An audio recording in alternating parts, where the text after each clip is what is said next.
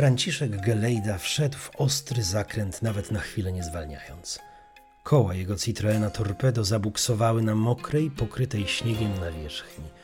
Lekka, śnieżna zadymka zasypywała jezdnię świeżym, drobnym opadem.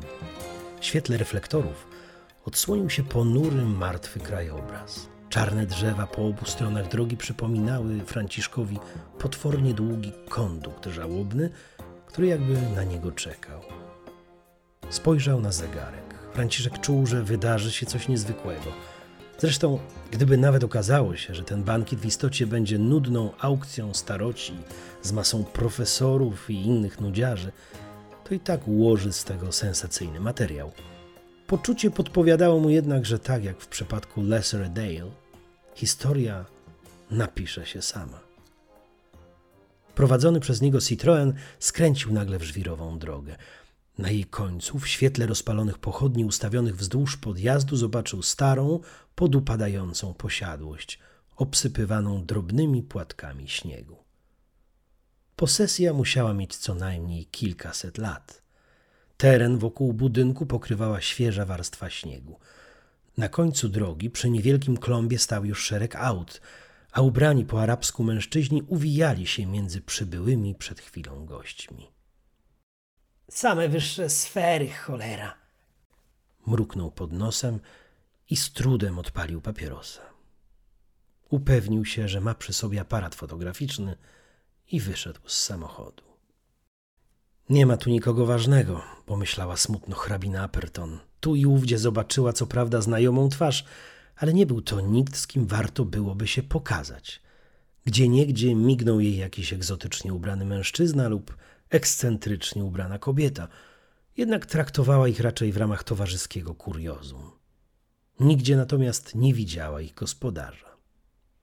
Jej mąż całą drogę do Misr House spędził na toczeniu akademickich sporów z Juliuszem. Spór ten kontynuowali także na terenie rezydencji, co powoli zaczynało ją irytować. Gestem dłoni przywołała do siebie roznoszącego szampana kelnera i wziąwszy dyskretny łyk, zaczęła rozglądać się po pomieszczeniu. Stojące w rogach pomieszczenia duże koksowniki świadczyły o tym, że posiadłość używana była jedynie sporadycznie, być może właśnie na potrzeby takich aukcji.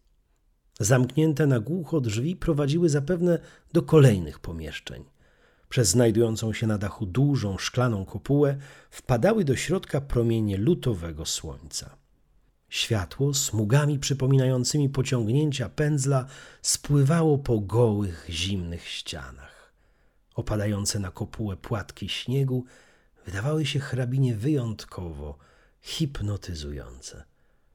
Przez moment poczuła się nawet, jakby zamknięta była w dziecięcej zabawce.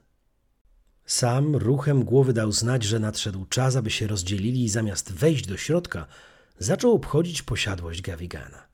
Agentka Hyde przyjęła te informacje z ulgą i cichą satysfakcją. Pracowała sama, lubiła to. Była w tym świetna. Świadomość tego, że wszystko zależy tylko od niej i może polegać wyłącznie na sobie, nie paraliżowała jej, lecz dawała dodatkową energię. Plus był taki, że musiała tolerować tylko i wyłącznie sama siebie, co i tak bywało momentami wymagające. Natychmiast zniknęła w tłumie gości. Mężczyźni i kobiety ubrani w smokingi i suknie pokazywali sobie stojące w gablotach eksponaty, pochylali się nad leżącymi za szkłem papirusami. Wśród gości było wielu obcokrajowców, których fizjonomia dziwnie nie współgrała z profilem przyjęcia. Łamaną angielszczyzną rozwodzili się nad zgromadzonymi przez Gawigana zabytkami.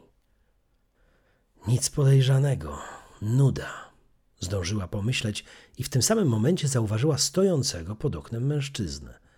Popijając szampana, bardziej niż eksponatami, zajęty był obserwowaniem czegoś przez okno.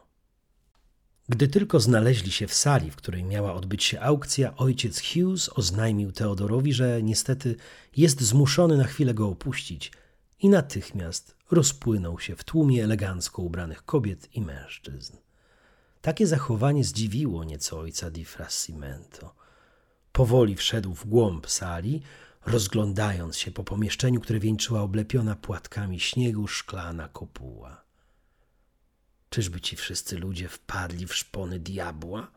Pomyślał z niepokojem jezuita. Wciąż miał w pamięci wydarzenia z dzisiejszego poranka, tą potworną wizję, w której martwy Gavigan wciąż wykrzykiwał pełne nienawiści słowa. Ojciec di Frascimento czuł narastający w nim niepokój. Miał wrażenie, że pozostali goście przyglądają mu się ukradkiem i szepczą na jego temat. O, witam księdza. Di Frascimento odwrócił się w stronę kobiety, którą poznał dzisiejszego ranka. Hrabina Apperton, powtórzył w myślach. Hrabina była starszą, około sześćdziesięcioletnią kobietą, która pomimo zaawansowanego wieku wciąż pozostawała żywa i energiczna. Jej bystry wzrok i cięty język świadczyły dobitnie, że pomimo iż ciało nadwyrężył czas, umysł pozostał ostry jak brzytwa. Ubrana była w elegancką zieloną suknię, na którą narzuciła gronostaja. Nad jej owalną twarzą, którą tu i ówdzie znaczyły pajęczyny zmarszczek, pysznił się misternie upięty kok. Niebieskie oczy hrabiny wbiły się w ojca di Frascimento, jakby w oczekiwaniu na komplement. Witam ponownie, hrabino. Wygląda pani olśniewająco. Jak ocenia hrabina przyjęcie? Teodora Apperton dostrzegła, że twarz jezuity sprawia wrażenie, jakby on sam głęboko w środku cierpiał lub coś go bolało. Udała jednak, że tego nie widzi. Sporo wiekowych eksponatów i nie mówię tu o sobie. Di Frascimento na te słowa uśmiechnął się lekko. Nie znalazłam jednak tu nic szczególnie interesującego. Od przyzwoicie zorganizowana aukcja. Jestem tu dla hrabiego. A właśnie, Hrabina jakby się ocknęła. widział ksiądz gdzieś naszego gospodarza? Obawiam się, że nie. Ostatni raz pana Gawigana widziałem dzisiejszego ranka. Wiem, że ojciec Hughes poszedł się z nim zobaczyć. Mam nadzieję, że bez tego złowieszczego ogara. Di Frascimento zaprzeczył ruchem głowy. A co, jeśli wolno mi oczywiście spytać? Hrabina uśmiechnęła się szeroko, wiedziała bowiem, że wolno. Sprowadza jezuitę na aukcję starożytności. Ksiądz w takim miejscu to dość niespotykany widok, zwłaszcza egzorcysta o takiej sławie. Ojciec Di Frascimento, a właściwie ta jego część, nad którą bez powodzenia starał się pracować, poczuła się mile połechtana. Zamierza ojciec wygnać demona z któregoś z eksponatów? Nie, oczywiście, że nie. Jezuita wysilił się na uśmiech. Tu jesteś, Teodoro. Hrabia Apperton wyrósł jak spod ziemi obok swojej małżonki. O czym tak rozmawiacie? Hrabia skinął głową w stronę jezuity. Nie wiem, czy wiesz, ale nasz nowy znajomy, ojciec Teodore di Frascimento, jest światowej sławy egzorcystą. Niektórzy nazywają go nawet wschodzącym słońcem Watykanu. Ach tak. Hrabia wyraźnie się ożywił. Egzorcyzmy to bardzo ciekawe zjawisko w rzeczy samej. E, dość trudne do jednoznacznej interpretacji. Rozumie ksiądz, wszystko rozbija się tutaj o wiarę. Czym innym będą one dla osoby wierzącej, a czym innym dla kogoś. Tak, tak, oczywiście. Przerwał mu ojciec Di Frascimento. To miejsce powoli zaczynało go przytłaczać. Rozbolała go głowa, ręce mimowolnie drżały, a na jego końcu języka poczuł gorzki smak. Wrażenie bycia obserwowanym przybrało jeszcze na sile. Nie miał najmniejszej ochoty na dyskusję o wierze. Proszę mi powiedzieć Kontynuował hrabia. o jakimś najciekawszym przypadku, o takim, e, który nawet księdzem wstrząsnął. Ojciec Di Frascimento uśmiechnął się w duchu. Ktoś mu nieprzychylny mógłby uznać, że jezuita po prostu lubi się chwalić. On sam jednak uważał, że opowiadając o swoich dokonaniach daje świadectwo nieskończonej mocy Boga. Ksiądz zmarszczył brwi. Pamiętam taką malutką wioskę leżącą w Bawarii, niedaleko Monachium. Przykro o tym mówić, ale w tamtejszym sierocińcu zmuszony byłem przeprowadzić kilkanaście egzorcyzmów. Część opiekunów oraz podopiecznych była niestety Opętana. Hrabia Apyrton niemal krzyknął. To niesamowite w rzeczy samej. I co dalej? Gelejda, odkąd przez jedno z dużych okien zobaczył trójkę zakapturzonych postaci znikającą w lesie rosnącym za posiadłością Misr House, rozpaczliwie szukał pretekstu, aby opuścić bankiet. Pomimo upływającego czasu i kolejnych kieliszków szampana, aukcje nadal się nie rozpoczęły i, co może nawet dziwniejsze, ani razu nie zobaczył wśród gości gospodarza tego miejsca. Czuł, że jeśli zaraz stąd nie wyjdzie, to ominie go coś ważnego. A szlak by to trafił. Zaklął pod nosem i chwycił kolejny już kieliszek szampana. Ruszył do szatni. Zagadnął do stojącego na szatni Egipcjanina. Jakiś czas temu wyszło tędy trzech moich przyjaciół. Dla hecy zarzucili na siebie kaptury. Może ich pan widział. No, Byliśmy umówieni wyjść razem we czterech. Zagadałem się jednak z z jedną taką. Rozumiesz? I, i, I przegapiłem moment wyjścia. Rozumie pan? Egipcjanin uśmiechnął się tylko i bezsilnie rozłożył ręce. Gdy to zrobił, Gelejda dostrzegł wiszący przy nadgarstku odwrócony krzyż Ang. Nie rozumieć angielski. Wydukał szatniarz i uśmiechnął się przepraszająco. Płaszcz ci futro. Odwrócony Ang? Czyżby jakaś sekta? Londyńskie elity, dekadenckie przyjęcia w luksusowych willach pod Londynem i orientalna szarlataneria. Fakty same układały się w głowie Gelejdy w logiczną całość.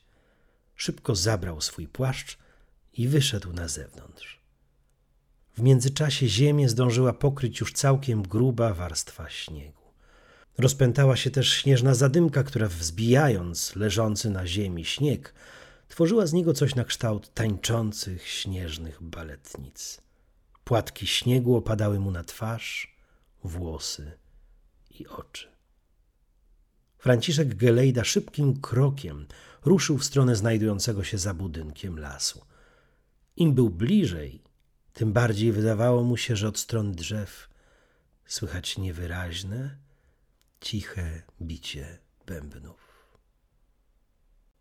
Samantha Hyde, nieudolnie maskując ziewanie, krążyła wśród glinianych figurek, garnków i papirusów, które zupełnie jej nie interesowały.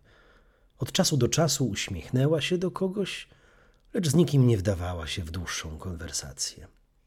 Znudzona, rozejrzała się po sali i nagle dotarło do niej, że gości jakby nagle ubyło. Na sali pozostało może dwadzieścia osób, które zajęte gorączkowymi rozmowami zupełnie tego nie zauważyło. Przeskanowała pozostałych gości wzrokiem w poszukiwaniu Noxa, jednak nigdzie go nie było. Jej uwagę przykuł natomiast wychodzący w pośpiechu mężczyzna, który cały czas do tej pory uporczywie wyglądał przez okno. Nagły impuls kazał jej natychmiast pójść za nim. Wychodząc na zewnątrz, raz jeszcze rozejrzała się za swoim partnerem. Agent Knox jednak najwyraźniej zapadł się pod ziemię. Co nawet lepiej, pomyślała i podeszła do nieznajomego spod okna, który ruszał właśnie w stronę lasu. Dobry wieczór. Krzyknęła. Mężczyzna zatrzymał się nagle i spojrzał w jej stronę. Spacer w taką pogodę? Kontynuowała. Niech pani słucha. Mężczyzna przerwał jej obcesowo, odpalając papierosa. Jestem tutaj w pracy i nie mam czasu na pogawędki, także jeśli moglibyśmy przełożyć tę rozmowę na kiedy indziej, byłbym zobowiązany. Tak się akurat składa, że też zmierzam w tamtą stronę. Samantha wskazała ręką czarną ścianę lasu. Jestem tam z kimś umówiona. A, tak. Gelejda zmrużył oczy i uśmiechnął się przebiegle, wypuszczając dym z ust. Ojciec Teodoro di Frascimento często miewał wizje, tak sam przynajmniej nazywał te momenty, w których przed oczami pojawiały mu się barwy, osoby i głosy, których rzecz jasna nie mógł widzieć. Uważał je za dar od Boga, za broń, którą otrzymał od Pana, aby szerzyć Jego wolę, żeby walczyć ze złem, które nieustannie zagrażało ludzkim duszom. Zazwyczaj miewał je przed lub po modlitwie. Za każdym razem poprzedzało je drżenie rąk i gorzki smak, który nagle pojawiał się na języku. Tak było i tym razem. Od momentu, gdy wczorajszego dnia spotkał się z ojcem Hughesem i jego ogarem, gorzki smak w ustach nawet na chwilę nie zniknął. Poranna wizyta w fundacji Penhill i jego obecność w posiadłości Mister House tego popołudnia potwierdziły jego przeczucia. Wiedział, że moment otrzymania wizji nadchodzi. Jezuita poczuł, jak gorycz na czubku języka staje się niemal nie do wytrzymania. Oparł się jedną ręką o ścianę i dał się ponieść zalewającym jego umysł ciemnością. Ojcze, czy dobrze się ojciec czuje? Może, może wody? Służba! Wody, szybko! Pozostała na sali część gości rzuciła zaciekawione spojrzenia w ich stronę, jednak surowy, niemal karcący wzrok hrabiny natychmiast zgasił ich ciekawość. Sekundy mijały, jednak nikt z obsługi nawet nie ruszył w ich stronę. W hrabinie Aperton frustracja mieszała się z absolutnym niedowierzaniem. Pełnej troski wzrokiem przyglądała się jezuicie, który ciężko oddychając stał z zamkniętymi oczami oparty o ścianę.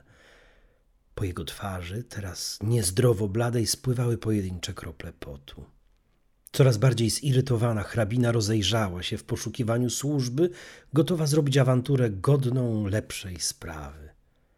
Ze zdziwieniem zauważyła dopiero teraz, że część gości w międzyczasie gdzieś zniknęła, a służba zamiast dbać o komfort gości rozmawia ze sobą i żartuje, racząc się szampanem. Hrabia Aperton Zamiast pomóc jej przy jezuicie, toczył podniesionym głosem spór z dwójką ubranych po arabsku mężczyzn. We trzech pochylali się nad przyniesionymi przez hrabiego dokumentami. Nagle grubszy z cudzoziemców wyrwał dokumenty z rąk hrabiego i rzucił się biegiem do wyjścia razem z towarzyszem. Hrabia przez sekundę stał całkowicie zaskoczony. Złodzieje! Złodzieje! Wykrzyknął Juliusz. Hrabia Barnaba Aperton po prostu stał i z niedowierzaniem patrzył na puste ręce. Wygląda tak bardzo żałośnie, pomyślała hrabina i podbiegła w jego stronę.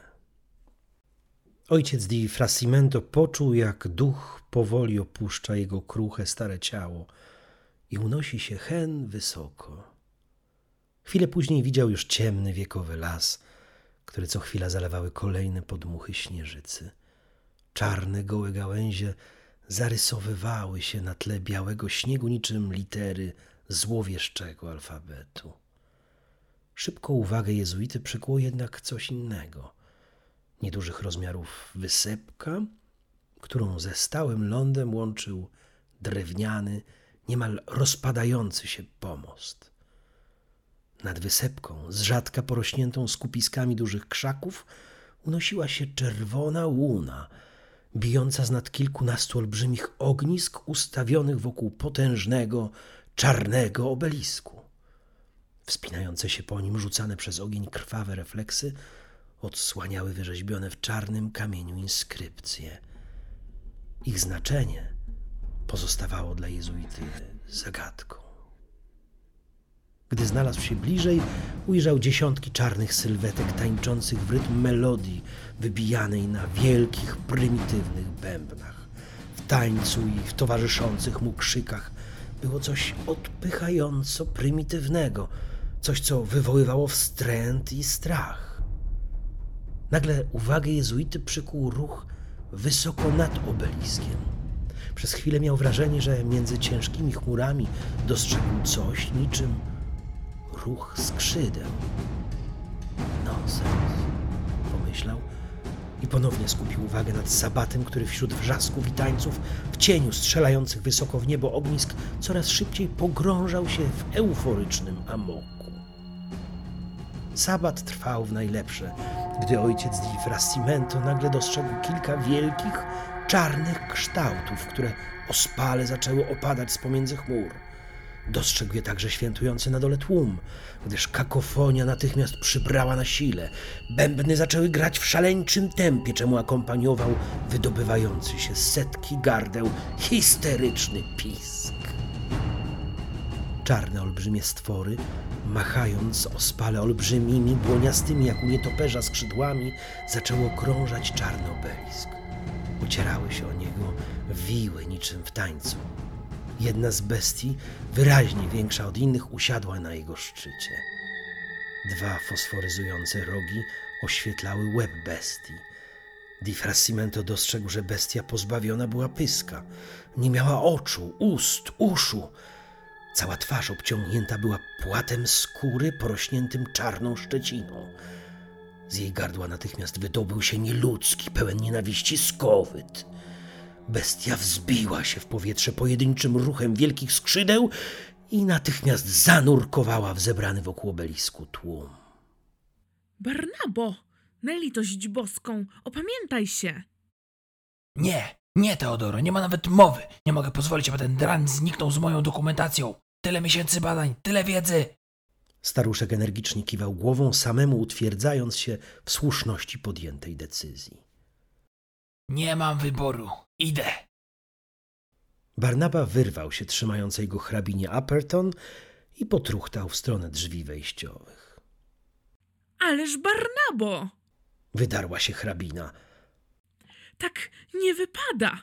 Ubierz się chociaż, bo się przeziębisz. Hrabia Upperton, niepomny na słowa małżonki, wybiegł tak, jak był ubrany na zewnątrz i po chwili zniknął w kłębach śnieżnej zadymki. Niech mi ktoś pomoże. Hrabina rozejrzała się po sali. Ależ tu prawie nikogo nie ma. Zdumiała się i zerknęła w kierunku jezuity. Ojcze Di Frastimento, musi mi ojciec pomóc. Nie ma innego wyjścia. Musimy złapać Barnabę, zanim ten wyziębi się na śmierć. Ojcze Di Frastimento.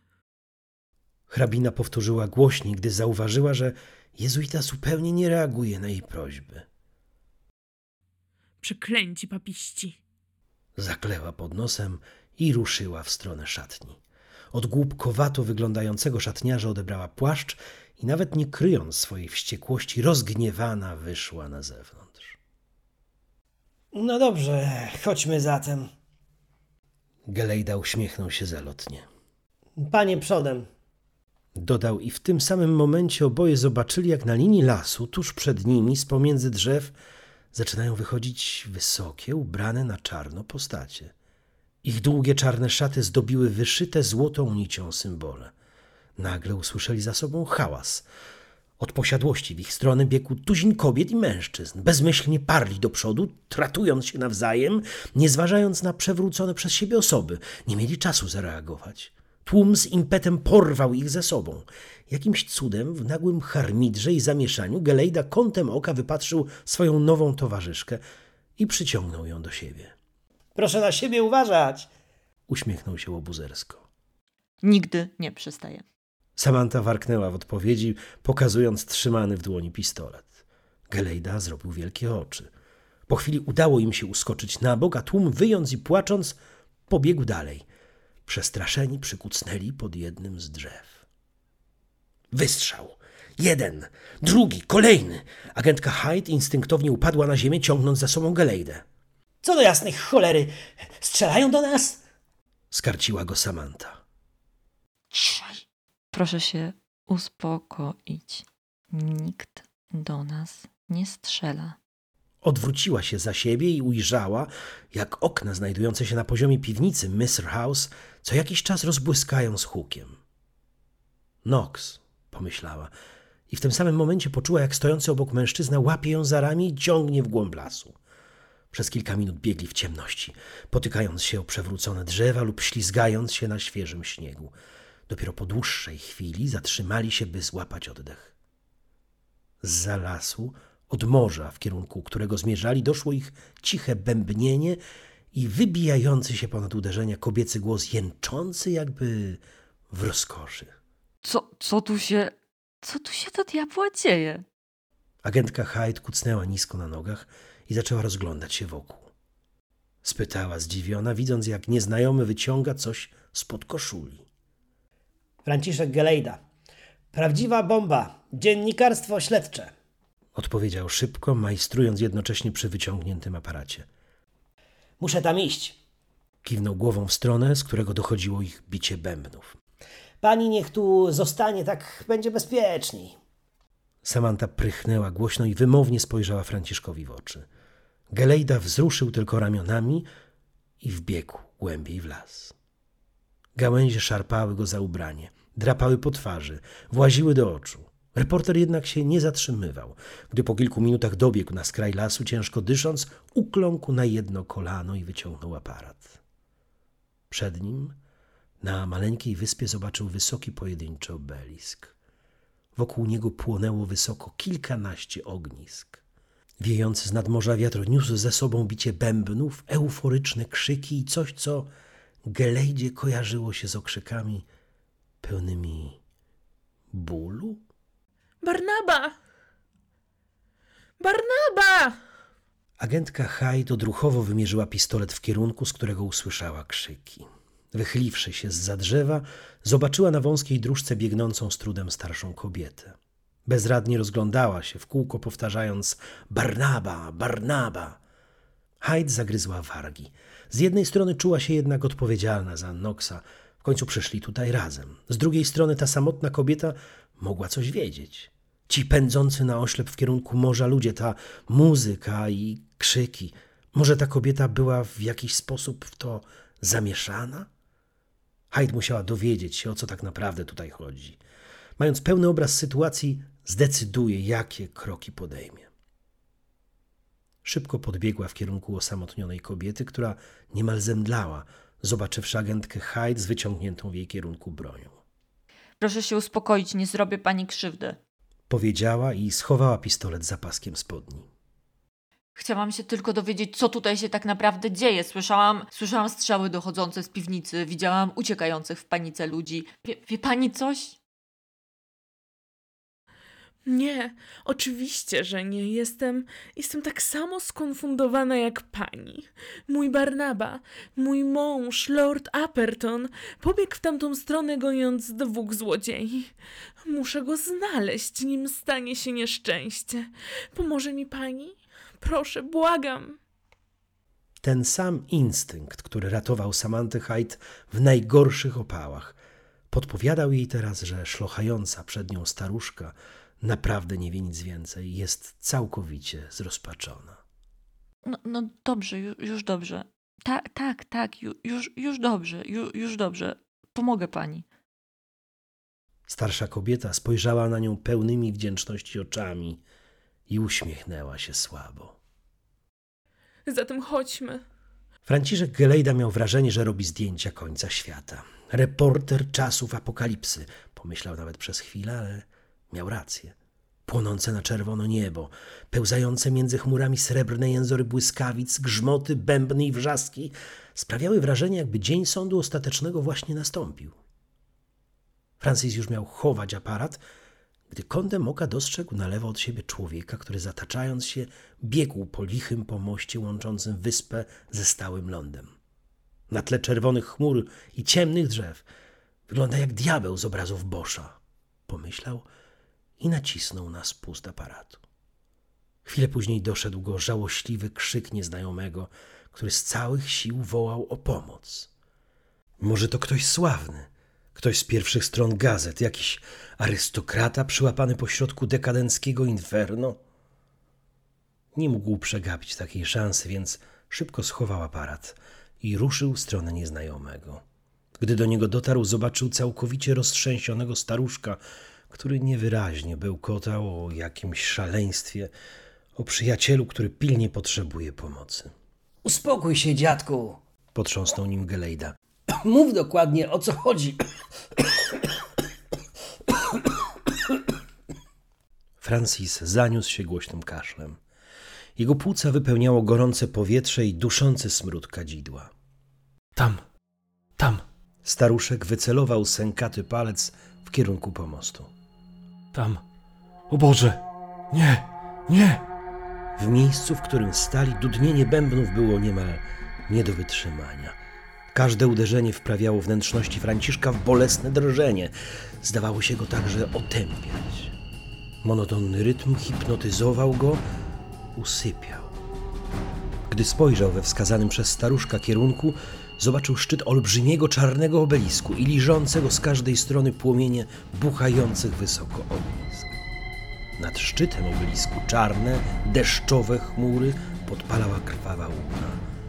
Cały krajobraz tonął w ciemnościach nocy, rozpalany od wewnątrz cynobrowymi językami ognia. Gelejda poczuł, jak z jakiegoś powodu nogi zaczynają się pod nim uginać. W momencie, gdy ujrzał szczyt obelisku, natychmiast poczuł, że powinien uciekać. Jak najszybciej i jak najdalej. Mój przyjaciel hrabia Aperton. Staruszek złapał Gelejdę za ramiona. Musimy go ratować. Leży tam przy pomoście. Szybko, śpieszmy się. Ojciec Di Frascimento słyszał dobiegający z oddali głos hrabiny. Był jednak zbyt osłabiony, zbyt przestraszony, aby otworzyć spierzchłe usta. W jego umyśle wciąż na nowo pojawiały się koszmarne wizje udręczonych ludzkich dusz, zabiedzonych, śmiertelnie chorych ciał. Niemal czuł ich ból, niemal doświadczał tego samego cierpienia co oni. Był wdzięczny Bogu, że tylko niemal. Na samą myśl o tym, że ten los mógłby stać się jego udziałem, tracił przytomność. Nagle wizja sprzed kilku chwil ponownie całkowicie zawładnęła jego umysłem. Ojciec Di Frascimento nie był w stanie odeprzeć złowieszczego korowodu okropności, które jedna po drugiej odsłaniały przed nim swoje diaboliczne oblicza. Machając przed twarzą rękoma, starał się odegnać szczerzące się do niego demoniczne piski. Walił w głowę pięściami, zasłaniał sobie oczy i uszy, byle, byle tylko oddalić od siebie ten koszmar. Na marne.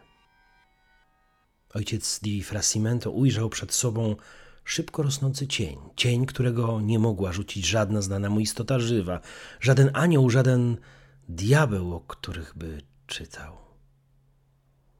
Angelologia i demonologia nie miały nazwy dla tego czegoś. Czegoś, co sycząc i piszcząc, warcząc i rycząc po prostu zalało cały świat jezuity nieprzeniknioną ciemnością.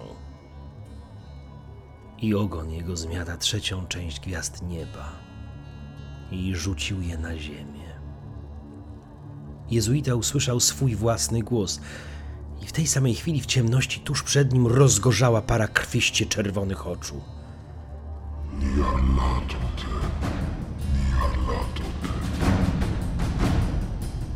Niarlatote, Niarlatote. Umysł ojca Di Frascimento wypełnił bluźnierczy wisk, odsłaniając przed jezuitą oceany brudu, cierpienia i plugastwa, które niczym niewidzialny brat bliźniak towarzyszyły ludzkości od jej zarania. Zło nie ma końca. Wyszeptał głosem pełnym trwogi Di Frascimento i osunął się w niebyt. Stać. Agentka Hyde zatrzymała idącą za nią hrabinę Apperton i wyciągnęła pistolet. O mój Boże. Westchnęła hrabina, lecz natychmiast zamilkła, widząc karcący wzrok agentki. Przed nimi, na tle płonącej czerwonej łuny, szarpało się dwóch mężczyzn. Czy rozpoznaje ich pani? Hrabina nie wiedziała, czy zobaczyła swojego męża naprawdę, czy tylko bardzo chciała go zobaczyć, ale bez zawahania odparła, że tak. To, to Juliusz. To na pewno on. On wie, gdzie jest mój Barnaba. Proszę strzelać w tego drugiego. Natychmiast! Hyde wiedziała jednak o wiele lepiej, co zrobić. Wykorzystując nieuwagę dwóch siłujących się ze sobą mężczyzn, szybko podbiegła w ich stronę. Nie wiedziała, że tuż za nią ostatkiem sił drepcze hrabina, wypluwając resztki płuc. Gelejda? Hyde ze zdziwieniem rozpoznała młodszego z mężczyzn.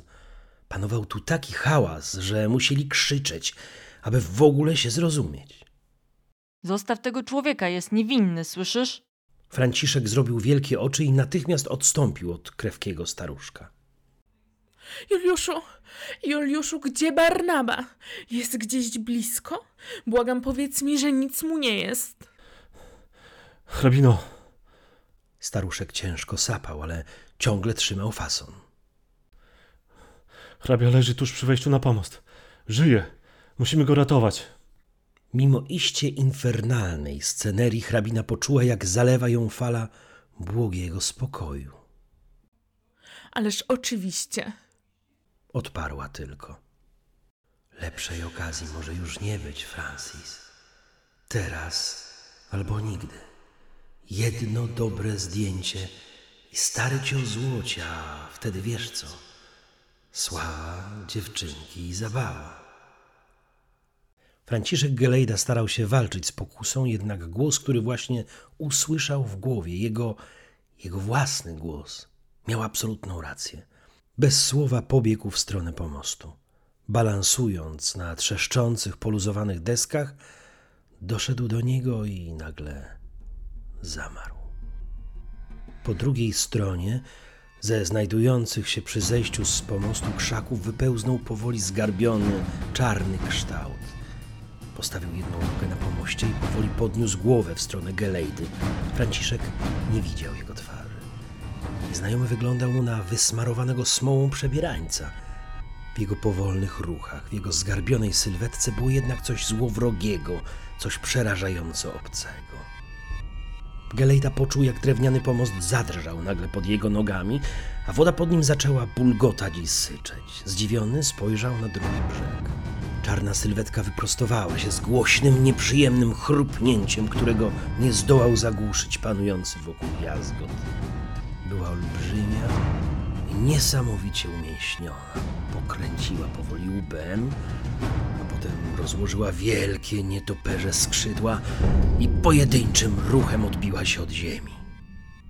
Tego było za dużo. Gelejda instynktownie zdążył nacisnąć jeszcze spust aparatu i rzucił się do ucieczki. Uciekał tak szybko, jak tylko mógł. Gnał na złamanie karku, gdy po obu stronach pomostu morze wybuchło fontannami cuchnącej wody. Na brzegu Hyde i Juliusz Smith, niosąc na ramionach nieprzytomnego hrabiego Appleton, także uciekali, a wraz z nim hrabina. Gelejda szybko ich dogonił i teraz wszyscy razem, jak najszybciej, jak tylko mogli, uciekali w kierunku posiadłości. Ziemia pękała wokół nich, buchając czarną, śmierdzącą breją. Drzewa jedno po drugim, jak zapałki, padały na drogę, niemal ich miażdżąc. Z pomiędzy drzew, niczym zjawy, wynurzali się goście przyjęcia, którzy niczym lunatycy krążyli bez sensu po drodze. Popędzając się nawzajem, krzycząc i klnąc, dobiegli w końcu do posiadłości. Panująca tu cisza niemal ich zabiła. Bębny, krzyki, huk pękającej ziemi.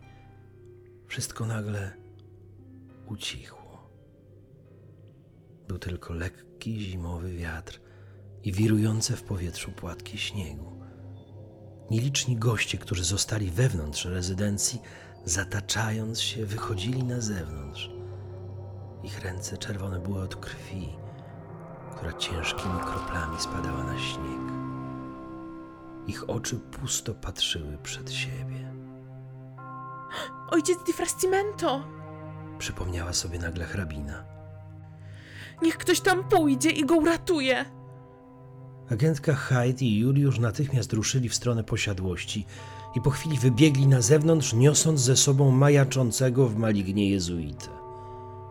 Od strony morza doszedł ich pojedynczy, ogłuszający grzmot, od którego zadrżały ściany wiekowej rezydencji, a okna pękły, rozsiewając wokół szklane odłamki.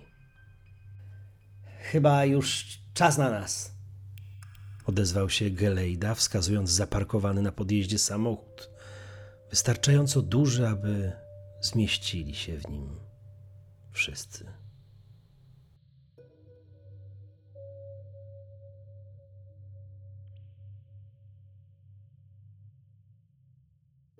Ja, ja, to, te.